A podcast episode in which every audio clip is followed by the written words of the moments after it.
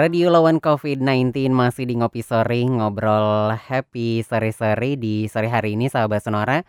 37 menit lewat dari jam 4 sore, kebersamaan kita masih sampai nanti di jam 6 sore. Namun di sesi ini kita akan ngobrol dulu sahabat Sonora ya bagi buat Anda yang sudah lihat di Instagram kita siapa yang akan kita ajak ngobrol di sore hari ini pasti udah tahu ya siapa yang akan kita ajak ngobrol. Tentunya ini menjadi salah satu inspirasi juga buat sahabat Sonora di tengah wabah COVID-19 seperti sekarang ya. Dan tentunya sore hari ini kita akan ngobrol ya kalau boleh singkat sih lumayan singkat. Biasa kalau di studio kita satu jam gitu ya sahabat Sonara.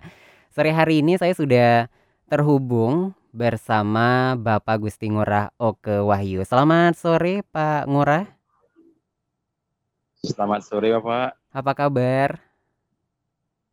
Astung Karo sehat Pak luar biasa. Oke, bisa jelas ya dengar suara saya ya? Bisa jelas Pak. Oke, nah tentunya di sore hari ini Pak, saya panggilnya Pak siapa nih Pak? Saya ngurah aja Pak. Pak Ngurah Maaf aja. ya? Bapak siapa nih? Saya Putra. Pak Putro ya. Iya, heeh. Senang Pak Oke. Putro akhirnya bisa langsung bisa berbicara langsung Pak ya.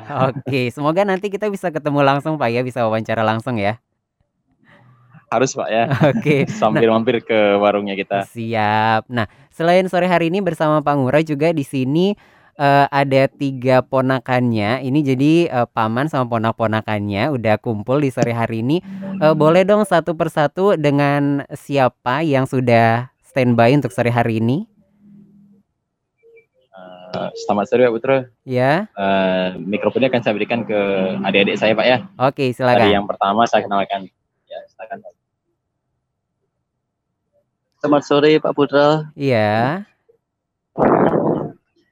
Em, saya ponakan yang pertama niki atas nama Ngurah Wahyu nih Pak. Ngurah Wahyu. Oke, ada Ngurah Wahyu. Terus selanjutnya Iya. ada siapa? Niki wenten adik tiang yang kedua. Oke, adiknya yang kedua. Selamat sore Bapak Putra. Ya, selamat sore dengan Dengan ini keponakannya yang nomor dua, atas Ah-ah. nama Murah Dwi atau bisa dipanggil Rahwi. Rahwi. Oke, ini yang kedua ponak Oke. kedua. Berarti yang ketiga siapa nih?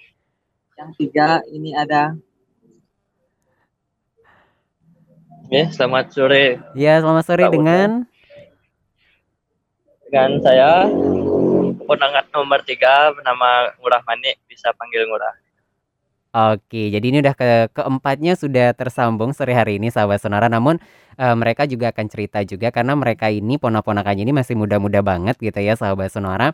Nah, tadi udah perkenalan nih sama Pak Ngurah, terus juga ada Rahwi, ada eh, Ngurah Manik juga atau panggilannya Wahman, terus ada juga Ngurah Wahyudi atau Wahyu di sore hari ini. Nah, sebelum kita akan ngobrol lebih lanjut gitu kan, eh, bahwa eh, Pak Ngurah dan juga ponakannya ini sebelumnya sebelum eh, buka warung saat ini kerja ataupun terjun di dunia pariwisata seperti itu Pak Ngurah ya.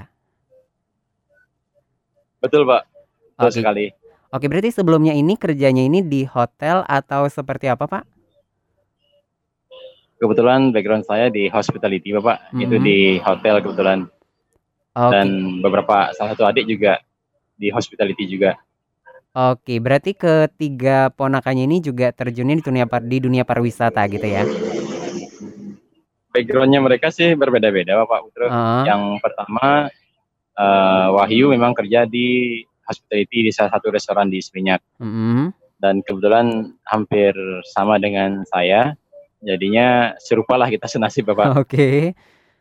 Dan kedua eh, yang panggilannya Ngurahwi atau Wahwi, Heeh. eh, dia sekarang lagi di lagi nyusun skripsi di salah satu universitas di Bali itu di IKIP Pegri. Oke. Eh, dia ngambil jurusan tari. Oke.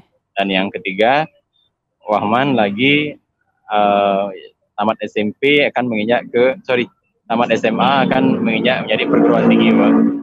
Oke, jadi ini masih muda-muda banget berarti ponak-ponakannya ya Pak ya. Iya, Oke. Pak. Nah, sore hari ini ini kan Bapak eh, backgroundnya itu adalah eh, hospitality seperti itu. Nah, eh, Betul, Pak, nah ini kan sekarang dampak dari wabah COVID-19 ini luar biasa banget seperti itu Pak ya. Nah, awalnya eh, Bapak setelah eh, terdampak dari virus corona ini apakah langsung untuk memutuskan namanya membuka warung sate ini atau sempat berpikir-pikir dulu terus seperti apa Pak? Keputusan itu memang spontanitas Pak Putra. Mm-mm. Karena terus terang berbisnis seperti ini, ini merupakan yang pertama kalinya dan belum pernah eh, saya lakukan sebelumnya. Hmm. Kalau bekerja, ya seperti buruh lah kita kan eh, menerima istilahnya kita bekerja, setelah itu kita mendapatkan upah itu sudah biasa saya lakukan Pak. Mm-mm. Tapi ini memulai suatu hal kayak eh, seperti apa istilahnya baru akan menjelang akan mengambil keputusan untuk menikah itu Pak jadinya Oke oke oke. Jadi keputusan yang lumayan berat ya Pak ya. betul Pak. Oke. Nah ini eh, pertama mulai buka warungnya ini eh, kapan Pak? Eh, sebenarnya ini warung sudah sebelum sudah ada Bapak. Mm-mm. Kebetulan istri yang eh, jaga, Mm-mm. istri kebetulan jualan es jus dan aneka es yang lainnya Mm-mm. dan dengan kondisi yang sekarang ini dengan Covid eh, pandemi ini jadinya se- teman-teman seprofesi saya kan istilahnya banyak yang dirumahkan dan di PHK juga Pak Mm-mm. dan termasuk saya salah satunya jadinya setelah kita runding dengan istri dan keluarga dan anak-anak juga begitu juga dengan keponakan itu kita memutuskan untuk eh, menjual sate babi pak dan kita mulai baru sebulan sih tepatnya pak hari ini Oh sebulan Eh, hari ini. hari Heeh. 10 April pak tepatnya Oke. Oke, jadi memang sebelumnya ini eh, istrinya itu jualan es jus seperti itu ya, tapi akhirnya karena terdampak wabah COVID-19 ini memutuskan untuk em, boleh dikatakan menambah varian menunya itu menjual sate babi. Berarti ini khusus memang satenya sate babi gitu Pak ya? untuk saat ini sih iya pak jadi kita punya dua macam sate babi yaitu satu bumbu manis dan bumbu Bali ya pak Oke, nah dan ini mudah-mudahan ke depannya Heeh. ada tambahan dan sekarang uh, dibantu dengan keluarga juga kita sudah bisa siapkan semacam kayak tum apa tum babinya Oh, oke, oke. Nah, ini eh, kan sebelumnya katanya istrinya ini hanya menjual es jus saja. Nah, ini kan eh, beralih menjual sate. Ini eh, meracik menu ataupun bumbu ini dapat ide dari mana ataupun siapa nih yang mencetuskan bumbunya dan lain sebagainya menu ini?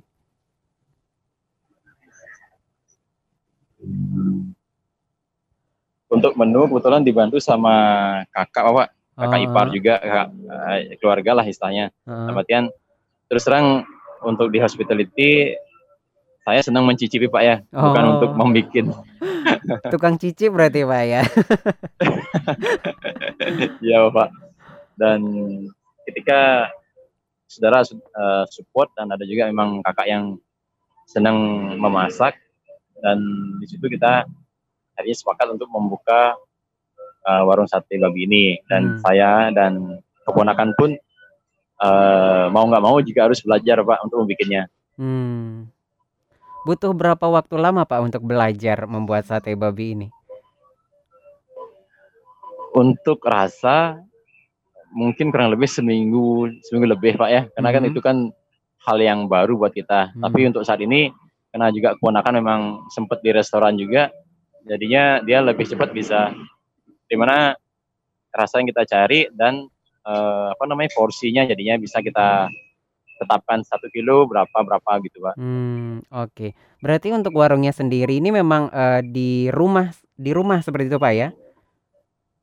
betul loh pak kebetulan lokasinya di depan rumah Oh, memang di- yang dulu dijaga sama istri Oke, dan sekarang yang jaga Bapak dan juga ponakan-ponakannya.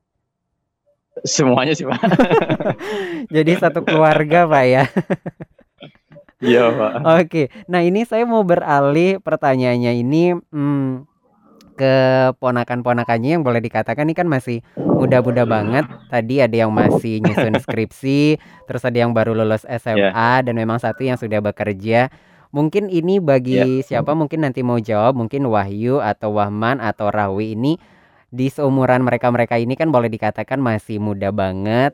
ban- tidak semua anak-anak muda ini mau beralih profesi apalagi dari pelajar terus tiba-tiba eh, berbisnis seperti Sate ini kan Pak.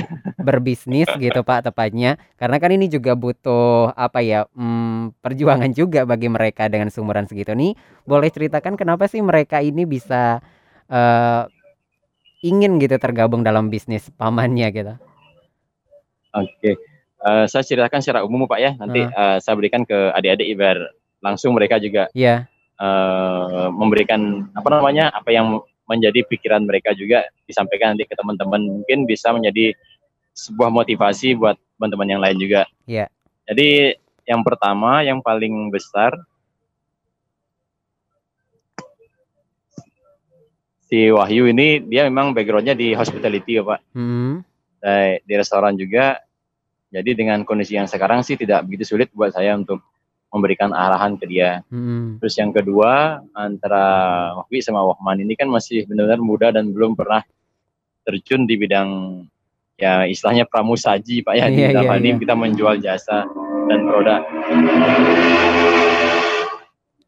Memang sedikit eh, tantangan buat saya sih untuk me- apa namanya mengarahkan mereka karena kan terkadang sumber mereka itu gengsi Pak ya. Eh, eh, eh. apalagi jualan sate nanti dilihat sama teman-teman seumurannya dia atau apalagi ini kan di depan jalan jadinya. Tapi Hmm, lambat laun sih mereka menyenangi jadi profesi ini pak. Oke. Dan mereka juga bisa lanjut sekolah dan sambil bekerja di sini.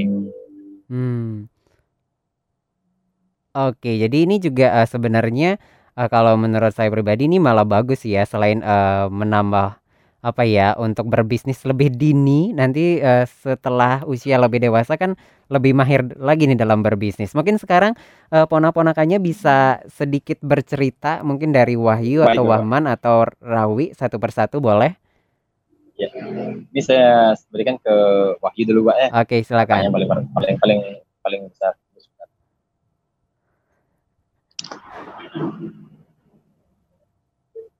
Halo, Oke, Wahyu bisa dengar suara saya ya?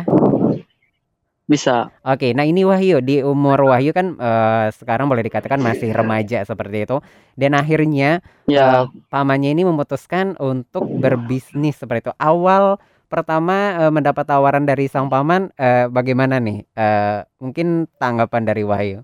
nah, oh kalau tanggapan dari saya sih di di bulan ini ya awalnya tuh nggak sih merasa malu karena ini bis- bisnis kan ya apa salahnya kita untuk mencoba Mm-mm. siapa tahu ke depannya bisa lebih baik lagi gitu Oke, berarti Wahyu ini langsung mengokekan gitu ya tawaran dari pamannya ya.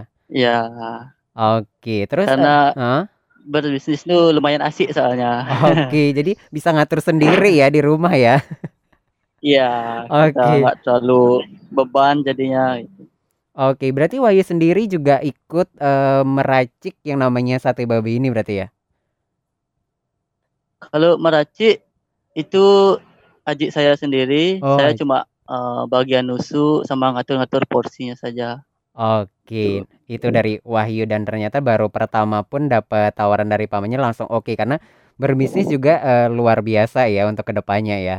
iya Oke, nah Iya. selanjutnya ini mungkin dari yang masih masih pelajar ini eh, bagaimana tanggapannya? Siapa nih selanjutnya? oh ini adik saya yang udah duit Ah, Oke, Rahwi ya. Eh, ya, selamat sore Bapak Putra. Halo, ini eh, Rahwi ya? Ya, Oke, saya Ra- Rahwi. Rahwi ini kan kedua. masih skripsian katanya ya. Iya, Bapak. Oke, nah ini kan Sekarang lagi skripsian. Heeh. Nah, ini kan eh, kalau tadi kakaknya memang sudah terjun di dunia kerja dan memang eh, mungkin terbiasa dengan hal seperti ini. Nah, bagi kamu yang masih Iya. pelajar gitu, masih skripsian, eh, gimana nih tanggapan kamu tiba-tiba pamanmu ini eh, ngajakin berbisnis, terus bisnisnya ini eh, spesial sate babi gitu. Iya. Eh, begini Bapak Putra, eh, kan karena background saya itu adalah seni. Heeh. Ya. ya bisalah dibilang eh, saya itu pelaku seni.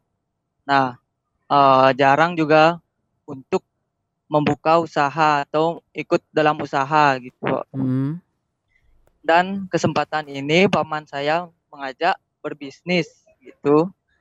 Nah, dan saya dari situ eh, ingin mencoba bagaimana caranya saya bisa membuka bisnis dengan paman dan sambil belajar bagaimana sistem atau manajemen dari bisnis tersebut gitu, Bapak.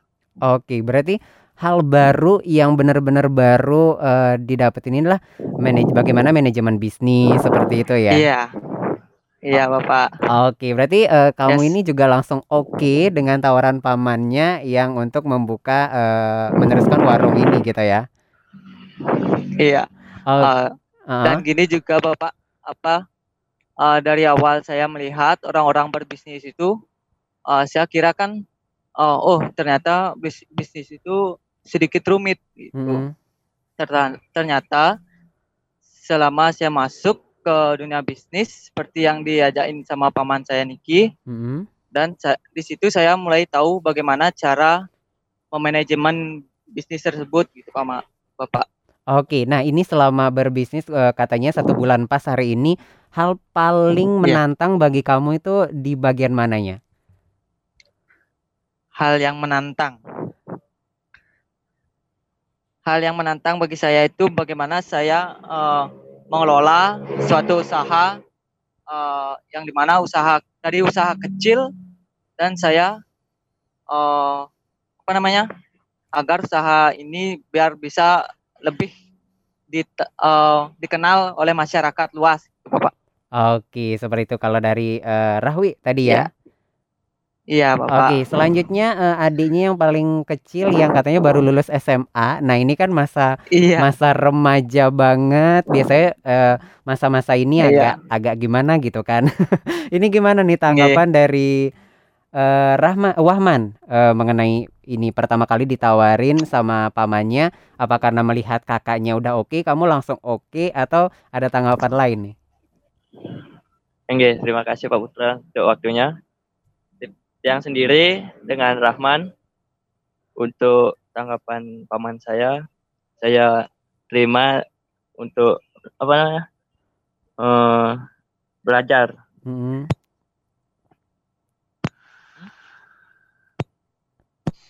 supaya mengenal lebih dalam lah.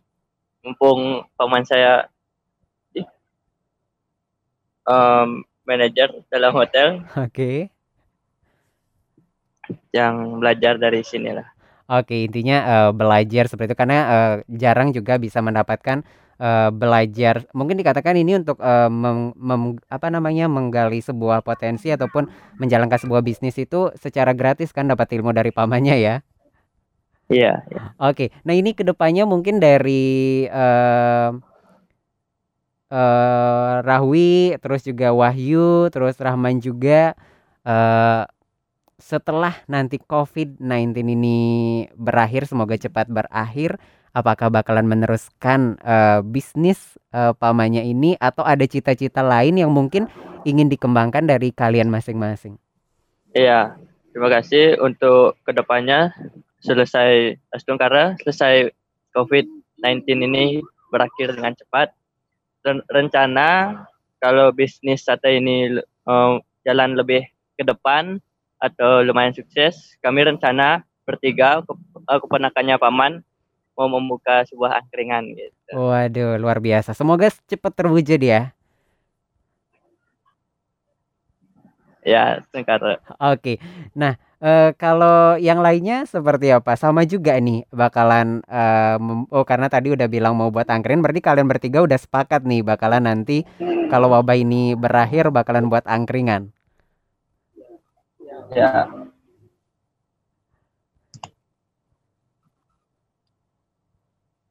Eh, begini Bapak Putra. Ya. Sorry Bapak. Ya. Eh, dengan berjalannya eh, bisnis ini untuk awal selama masih Covid ini ya eh, dibilanglah eh, untuk pembeli itu masih eh, sedikit ya. Mm-mm. karena pembatasan atau jarak Mm-mm. itu mungkin bisa terjadi ya Bapak ya. Mm-mm. Makanya ya saya berdoa lah agar eh, nanti setelah eh, wabah niki kita tetap kok eh, buka niki Aisyah sate babi Mm-mm. nanti eh, tetap kok jalan sate babi niki biar ya wabah biar selesai wabah enten. Oke, jadi tetap dilanjutkan seperti itu ya. Ya, Oke, ya eh, selanjutnya eh, mungkin eh, siapa tadi yang belum Wahyu ya? Nah, Nah, kalau iya, kalau Wahyu sendiri ini seperti apa rencana ke depannya sama bakal meneruskan atau mungkin ada tambahan-tambahan lain yang ada di pikiran kamu sekarang? Ah. ya kalau tambahan sih pasti ada ya Pak. Hmm, supaya uh, usaha sate babi ini semakin berkembang dan semakin meluas lah. Oh. Karena wabah COVID ini kan jarang lah orang keluar. hmm, Makanya kita kalau uh, berjualan kadang lewat Gojek juga gitu Pak. hmm. Oke, jadi secara online gitu ya. Ya online. Bahkan ini kalau dilihat bahwa ada Instagramnya juga, mungkin karena kalian masih muda-muda juga, jadi sangat Iya. aware dengan sosial media ya. Ya Oke, nah ini kan eh uh, biar ah, biar bisa juga menggunakan sosial media dengan baik nih Kak, Pak. betul luar biasa. Ini kan ya, lebih gampang eh, gini banyak promosi lewat Instagram, Facebook gitu. Oke, nah nanti sebelum saya juga eh, ingin eh, pesan kalian terhadap anak-anak muda yang seumuran kalian ataupun lebih muda lagi, pesannya seperti apa. Iya. Tapi sebelum itu ini kan namanya kalau saya lihat eh Aisyah Satai Babi gitu ya. Ini kenapa sih namanya? Iya, Pak. eh, kalau di eja kan agak susah ya. Ini kenapa namanya kayak gini nih? Oh, ke- eh, kalau nama dari Aisyah Sate Babi itu langsung dari pamannya karena Aisyah Sate Babi itu yang pertama itu Ayu Ira, Ayu Oh. Satya sama Ayu Anom. Oh, Gitu. jadi itu nama keluarga. Ya. Oke, pantesan ya namanya. Jadi dijadiin satu ya. Oke, namanya lucu ya. Oke, terakhir eh, bagi kalian satu-satu apa yang ingin disampaikan buat eh, anak-anak muda gitu nih untuk menghadapi wabah COVID-19 sekarang. Mungkin dari Wahyu silakan satu persatu. Kalau dari saya pesan dari saya untuk anak-anak muda jangan pernah gini menyerah untuk melakukan hal-hal yang positif. Eh, selagi bisa membuka usaha lakukanlah. Hmm, Oke, Tetap semangat. baik. Selanjutnya silakan. Oke, ini dari Wahwi. Ya. Silakan. Sayang Rahwi. Ah, Nah, untuk saya, untuk anak-anak muda zaman sekarang, gimana caranya eh, kita mencari peluang untuk berbisnis? Kita tidak usah malu, tidak malu untuk berbisnis. Yang kita malu itu di mana kita udah usia ya udah dewasa, tapi masih menyusahkan orang tua. Oke, luar biasa ini ya pemikirannya. Ini patut dicontoh nih bagi anak muda ya. Jangan takut Iya. berbisnis tapi takut kalau sudah dewasa mas- masih menyusahkan orang tua. Oke, saya garis bawahi. Iya. Oke, ada lagi? Adik saya. Oke, adiknya silakan. Oke, Pak Putra. Oke. Eh, Menurut saya untuk anak muda harus berani melangkah lebih maju. Gitu. Oke. Eh, hilangkan untuk rasa malu walaupun membuka usaha kecil dari kecil hingga besar lakukanlah sebisa mungkin Eh, sampai menurut saya eh, supaya melihat ke depannya tuh orang orang tua bangga terhadap diri kita sendiri gitu. Oke, luar biasa. Terima kasih ya dan tentunya ini bisa mudah-mudahan bisa menjadi inspirasi bagi anak-anak muda yang lagi dengerin sore hari ini bahwa eh, hilangkan yang namanya gengsi seperti itu ya. Tentunya ini juga sebuah pembelajaran bagi anak-anak muda. Nah, sekarang saya mau beralih ke Pak Ngurah Oke yang sekarang Oh. selaku pamannya yang ingin disampaikan buat sahabat Sonora di tengah wabah COVID-19 seperti ini. Seperti itu silakan Pak Ngurah.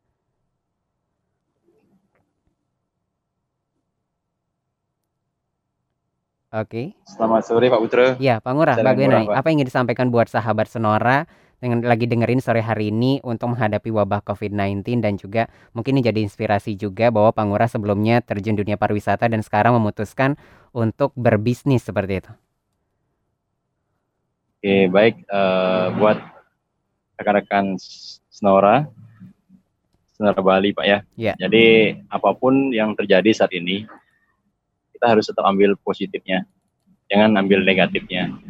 Dan saya percaya di balik eh, bisa dibilang sebuah bencana buat kita di sini bukan hanya eh, pelaku pariwisata aja yang eh, intinya istilahnya mengalami efeknya, dampaknya, tapi juga sektor ekonomi yang lain juga mengalami. Begitu juga ini kan wabah yang meluas mendunia Pak ya, bukan Hmm. hanya terjadi di Bali ataupun di Indonesia. Jadi tetap positif, eh, ikuti anjuran pemerintah, dalam artian untuk mencegah wabah ini menyebar. Jadi positifnya saya ambil di sini kita di mungkin eh, bisa dibilang harus tetap berusaha, bekerja, dan tetap bersyukur Bapak pada Sang Yang Widi Wasa. Baik, jadi intinya setiap eh, kejadian itu ada hikmah yang bisa kita petik seperti itu Pak Ngurah ya. Betul Bapak. Baik, nah ini eh, sahabat Sonora mungkin tadi eh, bertanya-tanya juga eh, boleh mungkin warungnya ini di daerah mana Pak? Kebetulan warungnya kita lokasinya di Sempidi Bapak. Hmm, Jadi lokasinya strategis sekali, dekat dengan Puspom Badung. Mungkin oke. sekitar 200 sampai 300 meter dari Puspom Badungnya. Oke, seperti itu ya. Tentunya eh, eh, ini mudah-mudahan bisa menginspirasi sahabat Sonora semua dan terima kasih buat Pak Ngurah dan juga keponakannya yang sudah meluangkan waktu di sore hari ini ngobrol bersama saya tentunya di Sonora Bali. Ini saya ucapkan terima kasih buat Rahwi, terus Waman dan juga Wahyu. Terima kasih atas waktunya di sore hari ini. Sukses buat Pak Ngurah dan juga ponak-ponakannya untuk bisnis ini. Semoga ini bisa menjadi inspirasi buat kita semua ya Pak ya. Terima kasih banyak Pak Putro. Ini merupakan suatu hal yang eh, kesempatan yang luar biasa buat saya dan juga adik-adik di sini untuk berbagi dalam kondisi saat ini Bapak. Baik. Saya juga Hmm. eh, secara perwakilan dari adik-adik juga mengucapkan banyak terima kasih Pak atas waktu dan kesempatannya. Baik, terima kasih juga Pak sudah meluangkan waktu mungkin eh, di tengah-tengah kesibukan mempersiapkan menu-menunya eh, menyempatkan waktu untuk kita gangguin, kita ajak ngobrol berbagi informasi dan juga inspirasi ya. Tidak masalah Pak. Baik, terima kasih Pak Oke dan juga ponak-ponakannya. Sukses buat semuanya. Kita jumpa di lain kesempatan ya Pak ya. Baik Bapak. Oke, selamat sore. Selamat sore Bapak Putro. Baik, sahabat sonar itu dia obrolan kita di sore hari ini. Mudah-mudahan obrolan ini bisa menginspirasi kita semua di tengah wabah COVID-19. Di tengah wabah seperti ini tidak menyurutkan semangat kita gitu ya sahabat sonora untuk tetap bertahan dan tentunya tadi selalu berpikir positif, selalu berjuang karena setiap eh, masalah ataupun musibah itu ada hikmahnya ya. Dan tentunya obrolan ini kalau Anda kelewatan dari awal bisa kembali nanti Anda dengarkan di Spotify cari aja Sonora Bali 98,9 FM atau bisa klik di www.sonorabali.com. Sore hari ini akan saya lanjutkan program Ngopi Sore, Ngobrol Happy Sore-Sore sampai nanti di jam 6 sore. Radio